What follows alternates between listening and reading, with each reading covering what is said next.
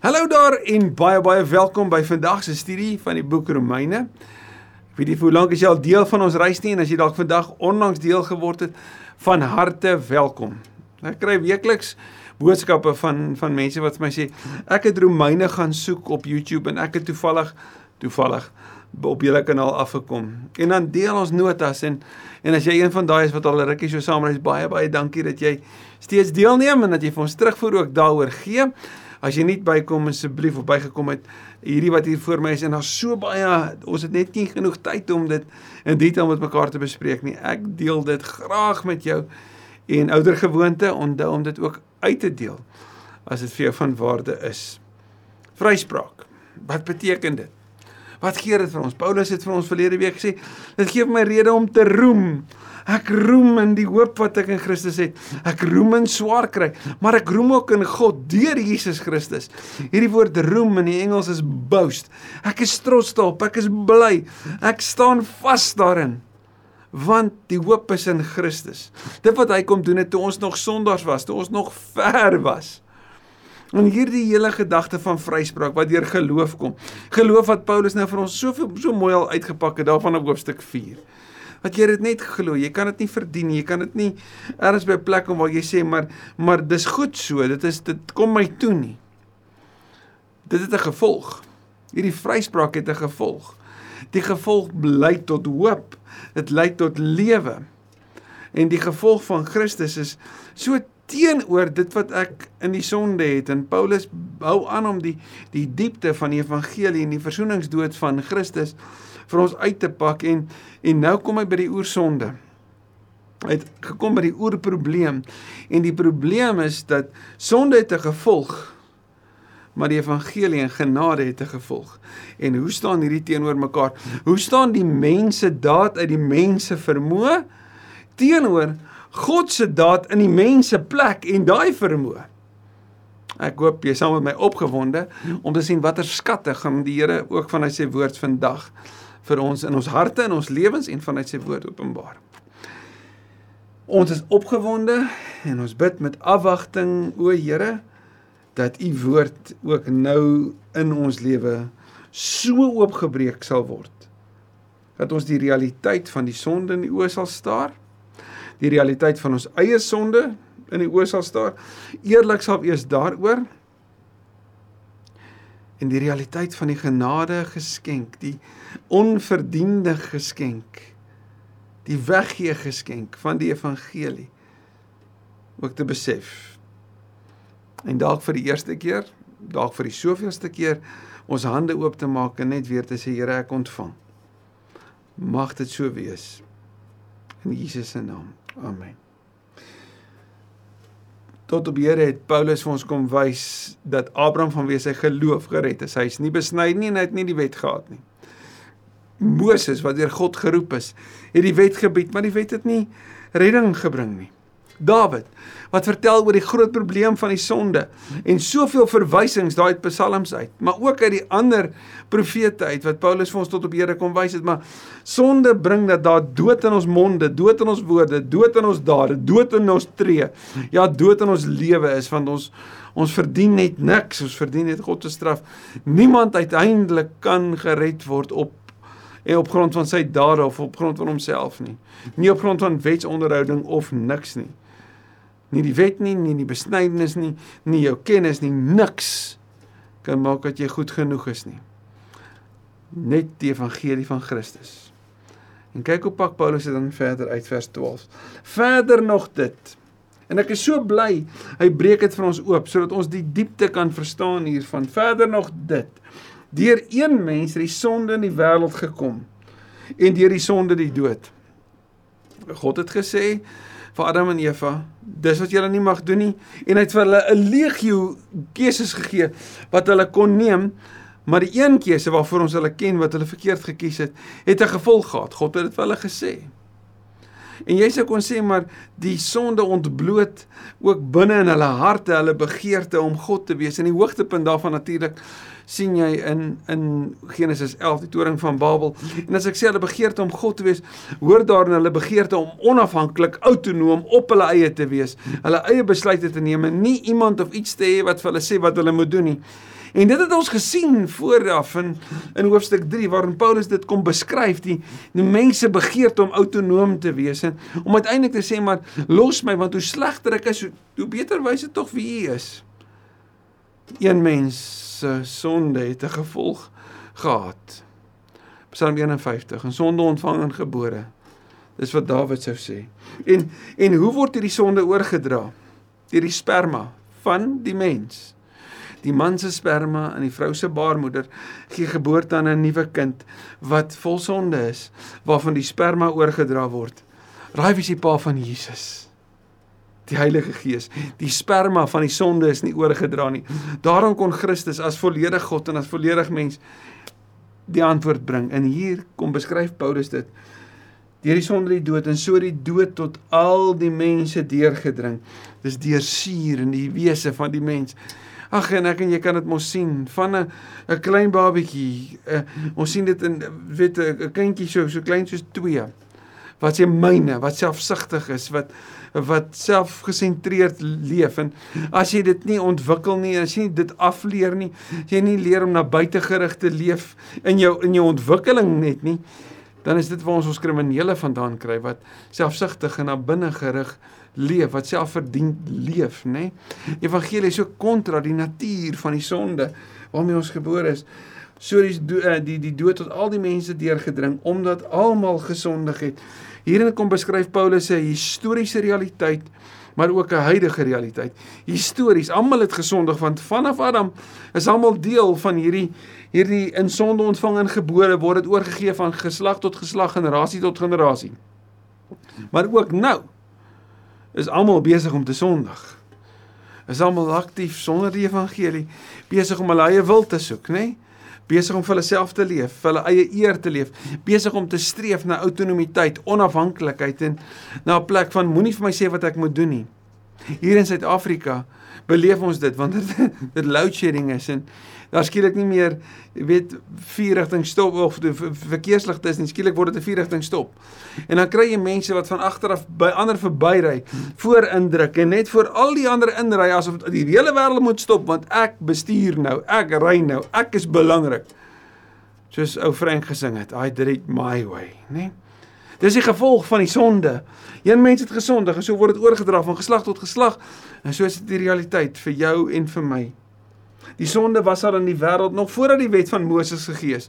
Natuurlik, want voor Moses was Abraham, voor Abraham was daar Adam. Maar sonde word nie toegereken as daar nie 'n wet is nie. En daardeur kom sê Paulus dat die die die die wet maak sonde meetbaar in jou en my lewe.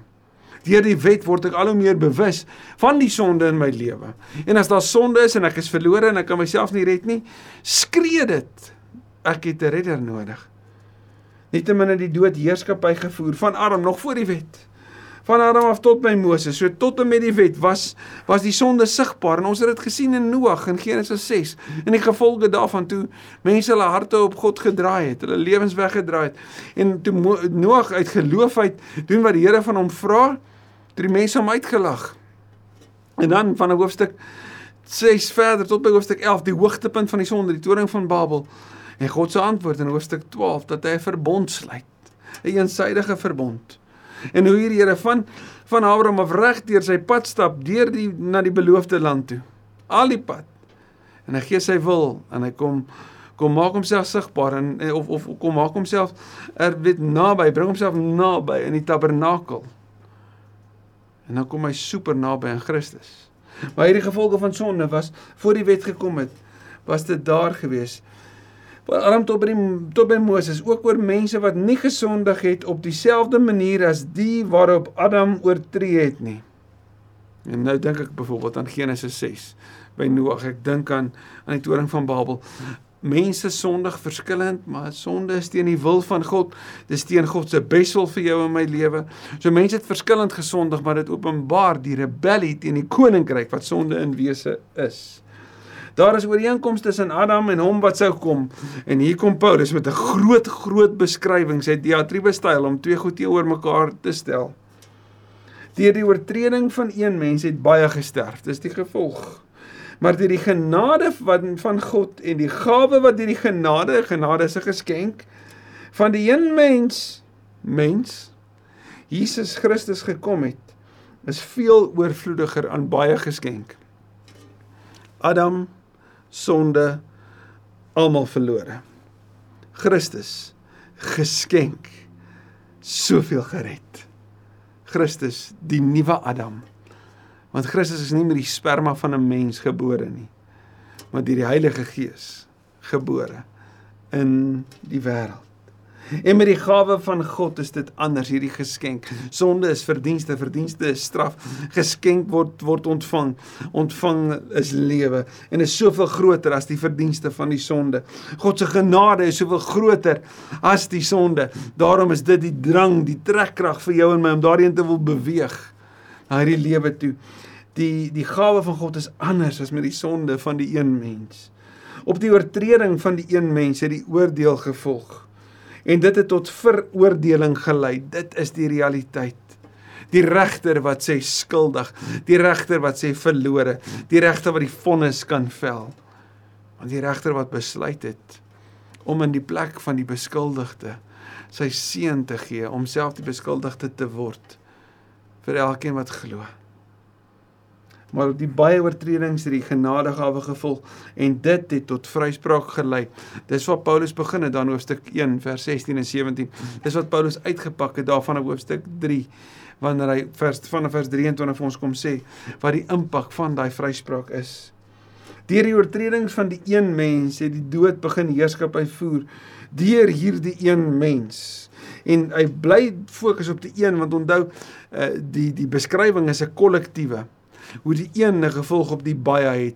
Een het baie sonde gebring. Een het soveel groter genade gebring. Maar deur die een Jesus Christus is veel meer bereik. Die wat die oorvloed van genade en vryspraak as gawe ontvang het, sal lewe en heerskappy voer. Heerskappy natuurlik oor die sonde, oor die dood saam met hom, maar vir altyd lewe saam met hom.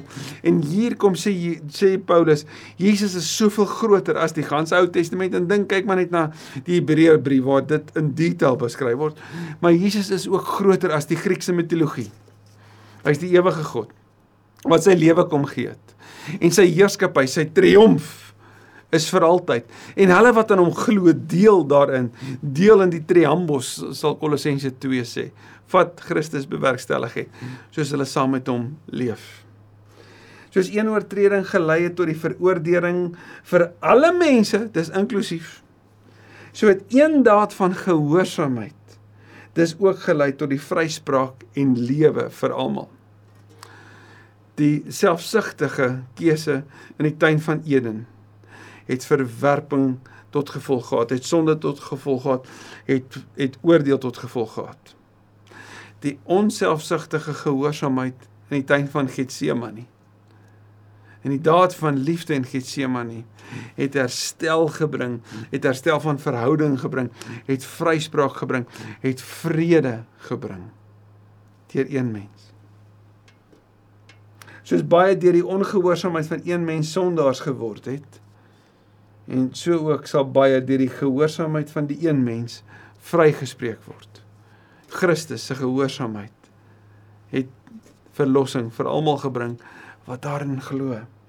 Die wet het bygekom om die oortredings nog meer te maak. So die wet bring hierdie bewustheid van sonde in my lewe. Ek sien dit raak. Ek sien op soveel gereelde maniere hoe ek dit oortree. En dit moet my wys ek het verlossing nodig. Ek kan dit nie op my eie reg kry nie. Hier is die belangrike. Ek kan nie op my dade steun nie en ek kan ook nie op my eie vermoë staat maak dat ek sal verander nie. Ek kan myself nie red nie. Ek het 'n redder nodig. En hoe meer die sonde geword het, oorvloediger het die genade geword. Later kom sê Paulus, Christus se se genade daad is volledig. Niks is meer nodig nie. Dis hoe groot daai liefdesdaad aan die kruis was. Die doel was dat soos die sonde deur die dood heerskappy gevoer het, die genade deur die vryspraak ook heerskappy kan voer en tot die ewige lewe kan lei deur Jesus Christus. En wat is die ewige lewe? 'n Bestemming? Nee, Johannes 17 sê dit is 'n verhouding. sien, daar's 'n ewige realiteit wat beskore is, wat wat geskenk as geskenk gegee word vir elkeen wat dit ontvang. Jesus wat jou en my nooi en sê kom. Kom na my toe. As jy uitgeput en oorlaai, moeg van self probeer, moeg van weer probeer, gefrustreerd omdat jy dit op jou eie probeer regkry, maar jy kry nie daai geduldspiere goed genoeg geoefen nie. Jy jy kry dit nie reg om nie te dink of daai daai afhanklikheid wat jy het te breek nie. Kom. Kom. Dat ek die mag van die sonde kan breek in jou lewe. Ek wat die sonde oorwin het, dat dat ek jou kan lei na vryheid en vryspraak en ewige heerlikheid saam saam met my. Kom in verhouding na my toe. Ek ek hoor nou die dag lees ek van van die van die jeugleraar wat met een van sy studente praat en die student sê toe vir hom sê vir my as ek nou en ek gaan in vandag se taal dit meer inbring as ek na Jesus toe kom moet ek nou ophou wyp persoon sê nee hy sê as ek na Jesus toe kom moet moet ek moet ek ophou vloek hy sê nee as ek na Jesus toe kom moet ek op en aan die al die girls kyk hy sê nee hy sê hoe nou As jy nie, jy sien jy kom net soos wat jy is na Jesus toe. What's and all. Net jy is. Kom net jy is na Jesus toe. En in jou verhouding met hom sien jy hoe sy liefde jou verander. Hoe sy deernis, hoe sy wil wat vir jou bes wil as jou verander. Dis vanuit jou verhouding met hom dat hy aan jou gaan vorm. Maar hy gaan jou vorm tot jou bes wil. Nie tot jou frustrasie nie nie tot moedeloosheid nie, maar tot 'n lewe wat ligter en sonder skuld en vol vreugde is. Tot 'n lewe van betekenis en impak, sodat jy kan verstaan hoekom jy doen wat jy doen en waarom jy weet hoe jy inpas en en wat wat wat sy effek jy op hierdie wêreld moet hê. Dit kom vanuit jou verhouding met hom. So kom net jy is en en vertrou hom vir die proses. Sien ons moet net dit doen. Hierdie beste nuus van vryspraak, net dit deel en die Here vertrou dat vanuit daai verhouding hy sal doen wat net hy kan.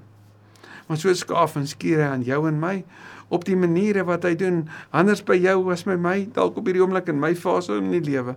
Maar die belangrikste van alles is ek gaan hierdie verandering self regkry nie. Gaan nie.